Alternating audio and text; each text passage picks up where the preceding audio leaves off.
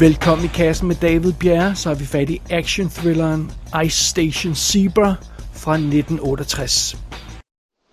Drift Ice Station, Zebra. British civilian weather station up at the North Pole. They're in some sort of trouble up there. Trouble, yes. They've been sending out distress signals, but too weak and garbled to make much sense. There's something that's going wrong up there, that's for sure. Some kind of fire or explosion. Several men killed, the rest of them dying from burns and exposure. It's pretty rugged. Yes, sir. And they can't be reached, not by rescue planes. See, the entire polar cap is completely socked in with an ice storm. Might not clear up for days, weeks. No chance for the survivors, I suppose.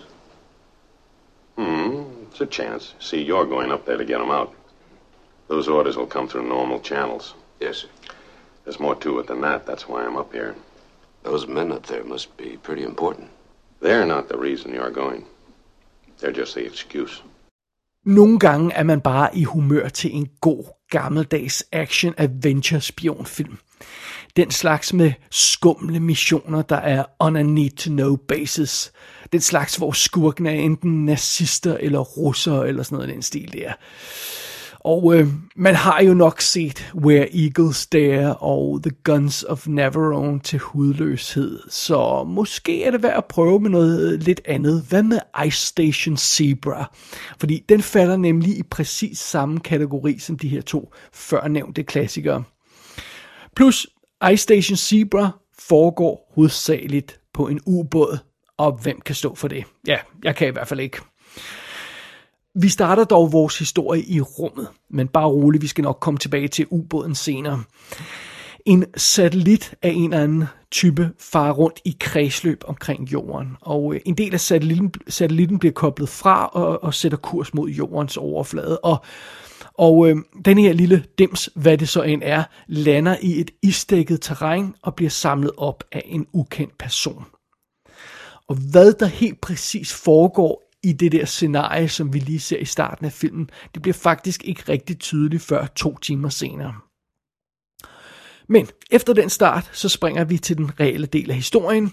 Vi møder Commander James Faraday, som er kaptajn ombord på ubåden USS Tigerfish.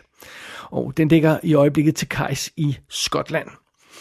Og af sin overordnede, så får Faraday til opgave at udføre en redningsmission.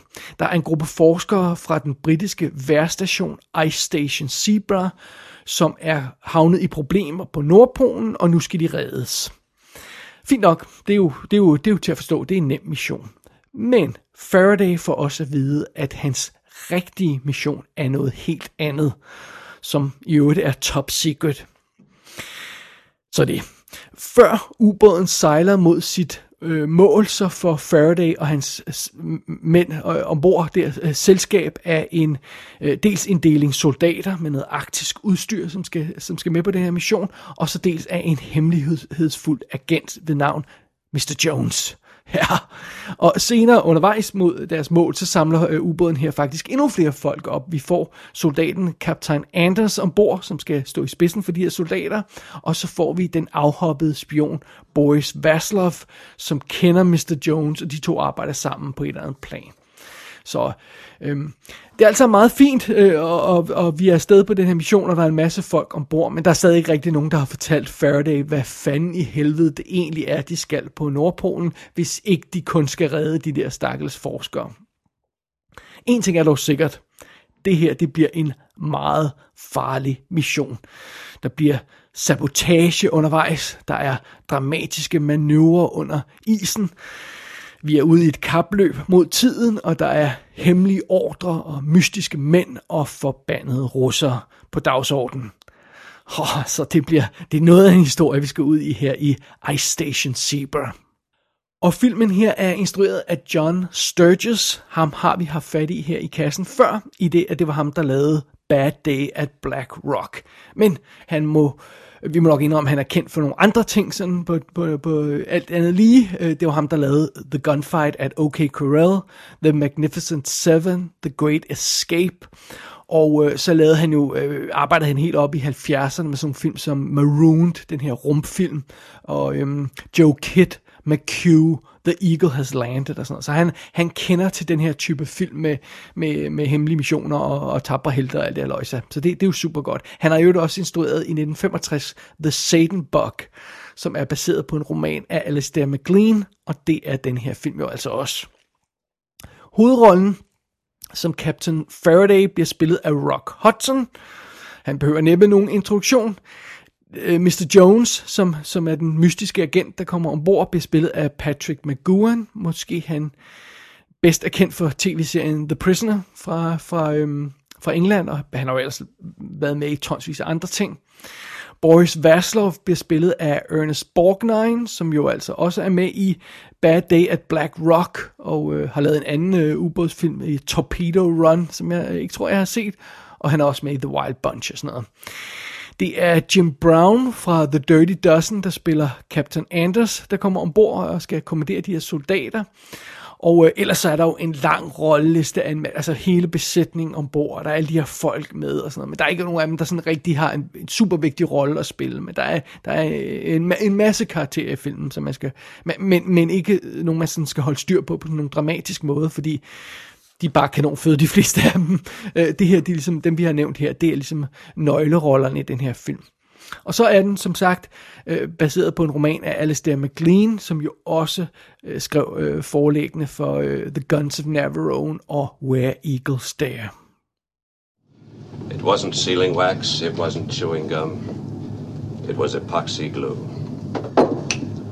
And all of a sudden you know a whole damn lot about submarines. I know how to wreck them. And I know how to lie, steal, kidnap, counterfeit, suborn, and kill. That's my job. I do it with great pride. And Vaslov? Is that your job too? Yes, Captain. What's your theory? that there is a man aboard this ship who committed sabotage. You mean go down with it? Of course. And as willing to die for what he believes in as you are. Somebody doesn't want us to get to Ice Station Zebra. Ice Station Zebra har faktisk en solid grundhistorie, og det er måske ikke så overraskende, når den er baseret på en roman af Alistair MacLean. Jeg huskede det som om, den her film var ret kikset. Øhm, og, og det er den måske også, men det er faktisk ikke på grund af selve historien, fordi den virker ret godt. Den er, jeg, jeg, jeg kan godt lide den her historie. Altså, vi har det her ræs mod Nordpolen, og, og øh, der er den her idé om, øh, ja, vi sender jer lige afsted på den her øh, øh, øh, mission for at redde de her folk, men i virkeligheden skal I noget helt andet, som vi ikke har fortalt jer, hvad er. Det er sådan et meget godt koncept øh, for, for den her type film. Øh, I centrum har vi den her cool, ubådskaptajn, der har meget let til års for hele den her mission, han skal ud på. Han har ikke rigtig tålmodighed til de her bullshit-spioner med deres bullshit-missioner og sådan noget, og den her total mangel på konkret information øh, irriterer ham grænseløst. Øh, han, men han gør jo sit job alligevel, fordi han er en solid dude. Øh, når vi endelig når frem til Nordpolen, så begynder plottet ligesom at blive optravlet, og vi, vi, vi får sådan en overblik over, hvad der reelt foregår. Og, øh, og, og, og det er egentlig også en ret fed sekvens, øh, som er ret intens, hvor tingene pludselig går meget hurtigt, når sådan, at den her historie bliver, øh, bliver, bliver travlet op. Det, er sådan, det ender med at være et ret effektivt old school koldkrigsdrama, det her. Der er egentlig ikke rigtig en finger at sætte på selve historien her. Nej, Ice Station Zebras problem er ikke historien. Det er måden, den bliver fortalt på.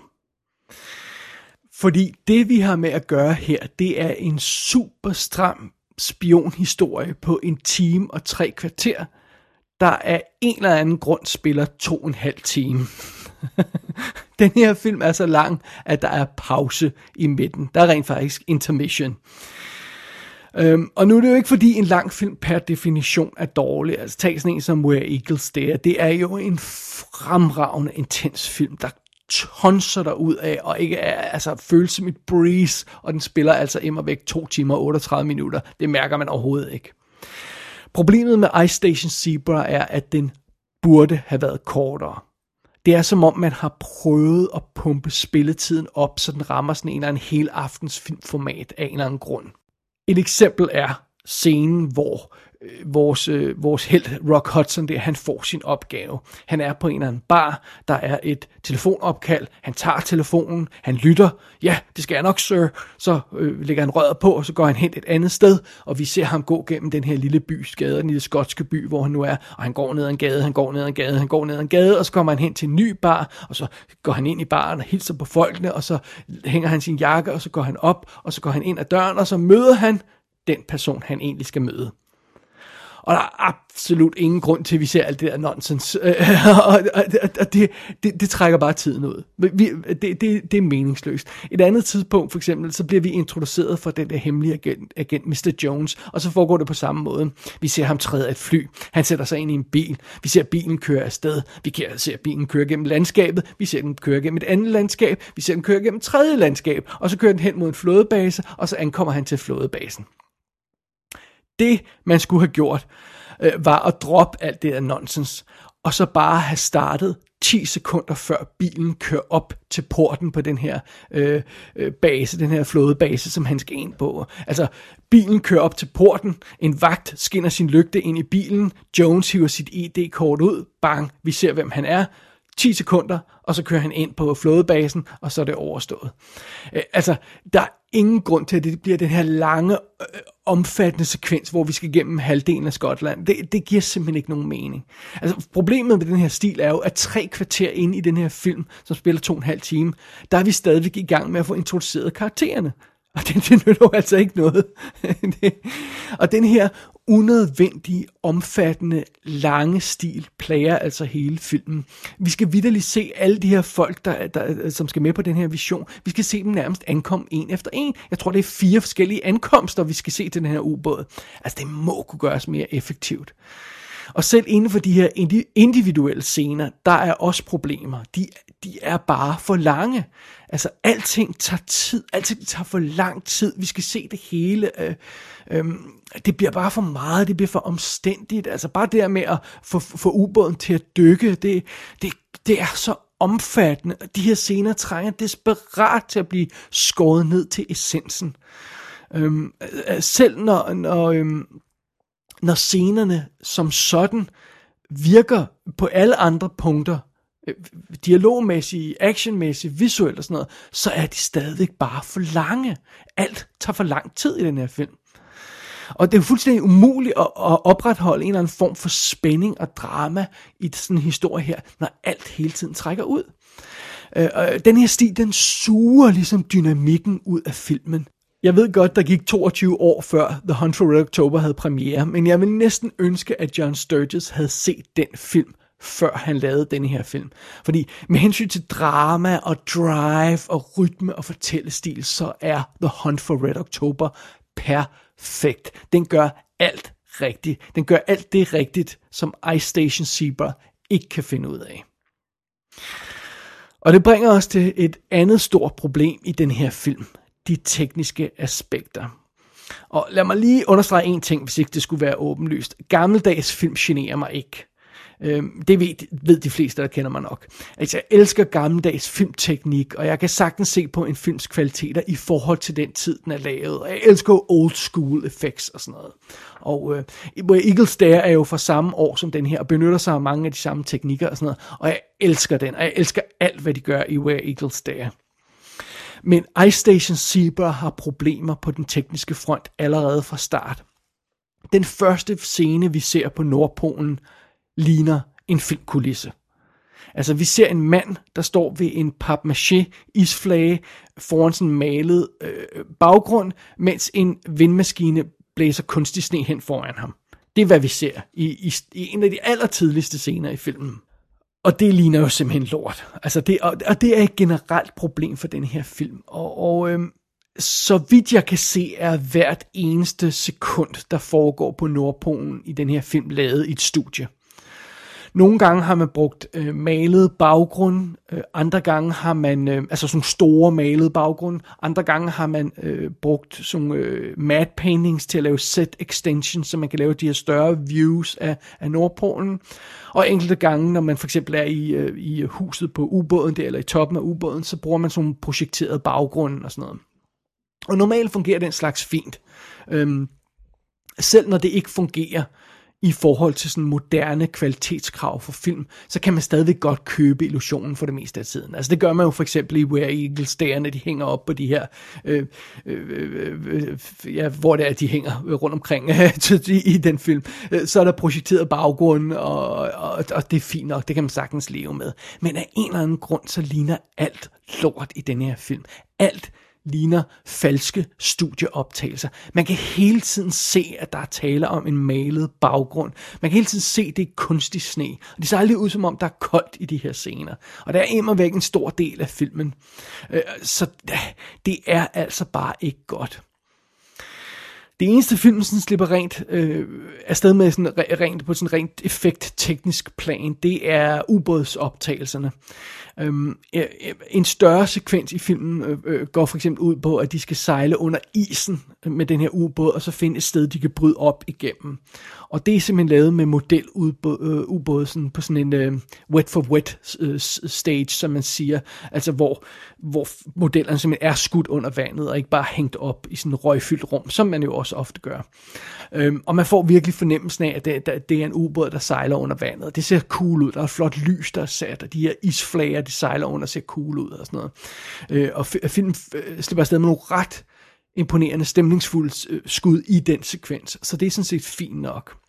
Øhm, men det er altså noget af det eneste, der sådan rigtig virker ordentligt. Der er også nogle skud af jægerfly, hvor, man, hvor baggrundene de bare karter rundt, og, og det slet ikke ser ud som om øh, baggrund og forgrund hænger sammen og sådan noget. Det, det er ikke særlig godt. Og filmen var rent faktisk nomineret for bedste visuelle effekter til Oscar-uddelingen det år, så det er sådan lidt underligt. Nå, øh, en, en, en sjov detalje, jeg lige vil have med i forbindelse med de her ubådsoptagelser, er, at der er enkelte skud, hvor man har monteret et kamera på en rigtig ubåd. Og det ser naturligvis også cool ud. Så man får simpelthen lov til at se en ubåd, der dykker under vandet fra et kamera monteret ude på den, sådan rigtig monteret på den. Og åbenbart så var man så imponeret over, over sig selv i forbindelse med de skud, at man dengang lavede sådan en lille reklame featurette der fokuserede på den del af filmen. Og den er simpelthen inkluderet på, på, på DVD og Blu-ray udgaverne. Den hedder The Man Who Makes a Difference og spiller syv minutter og handler simpelthen om second unit fotografen John Stevens øh, som simpelthen stod for at række de her sekvenser og, og filme, øh, filme de her skud, hvor, hvor kameraet er placeret på en rigtig ubåd og sådan noget. Og man får en lille overview over hans karriere, og han også har lavet racerbilsoptagelser og sådan noget. Og det er meget sjovt. Og den her lille featurette får ham til at lyde som verdens største stjerne. Det er helt vildt sjovt, for det er altså second unit fotografen, som den her featurette handler om. Uh, det er altså lidt sjovt. Den er værd at sætte ned og se, hvis man får fat i skiven, fordi det, det er altså charmerende. Det kunne jeg ikke, ikke forestille mig, man lavede i dag. So be it. Nå, men for lige at opsummere, det er faktisk en okay mission, vi skal ud på i den her film. Det er bare en lidt anstrengende rejse, om jeg så må sige. Øhm, når film, øh, filmens spionhistorie når sit klimaks, så ender vi i sådan et sammenstød mellem USA og russerne og sådan noget. Og øh, det er jo sådan set i den sekvens, at hele filmen burde, øh, burde få, bringe alle elementerne sammen, og, og vi, burde, vi burde ryge op i det røde felt, sådan der i finalen i filmen. Men selv, øh, desværre så er den her, selve den her finale sekvens i øh, Ice Station Zebra det, den er lidt kunstigt konstrueret. Der står sådan en masse folk, sådan stift opstillet og snakker sammen, igen øh, med den her papmaché-kulisse og, og, og en malet baggrund og sådan noget. Og, og, og, og det er bare virkelig kajtet og akavet og ikke særlig effektivt. Og jeg tror, det er ligesom den scene, der har efterladt mig med det største indtryk, da jeg så filmen første gang. Jeg tror, det er derfor, jeg ikke husker den så positivt, fordi sidste scene i filmen, den afgørende finale i filmen, er den her super kunstige, akavede, grimme sekvens. Det er altså kikset. Og jeg synes egentlig, det er synd, fordi overordnet, så er der meget godt i filmen. Som sagt, grundhistorien er cool, og hele ideen om det her race mod Nordpolen er fantastisk og sådan noget. Og jeg synes også, det er fedt, at man reelt først finder ud af, hvad hele filmen går ud på i den sidste halve time. det, så det, det er meget cool. Og Rock Hudson er en solid held, og Patrick McGowan er et djævelsk røvhul og sådan noget. Og alle scenerne inde i ubåden undervejs, som jo man har, man har bygget også, øh, man har konstrueret hele den her øh, ubåd ind i det. Altså alle de scener er også fede men filmen bliver, bliver altså bare bragt i knæ af de her to store minuser, som er øh, de dårlige sekvenser på, på Nordpolen, og så den her langtrukne stil, som, som man har man benytter sig af undervejs. Så der er med andre ord en grund til, at Ice Station Zebra ikke er blevet en klassiker, som man nævner i samme sætning som Where Eagles Dare og Guns of Navarone. Um, øhm, et eller andet sted, så er det sgu en meget charmerende film alligevel, men for at kunne nyde Ice Station Zebra, så skal man altså sluge et par kameler på størrelse med en amerikansk atomubåd.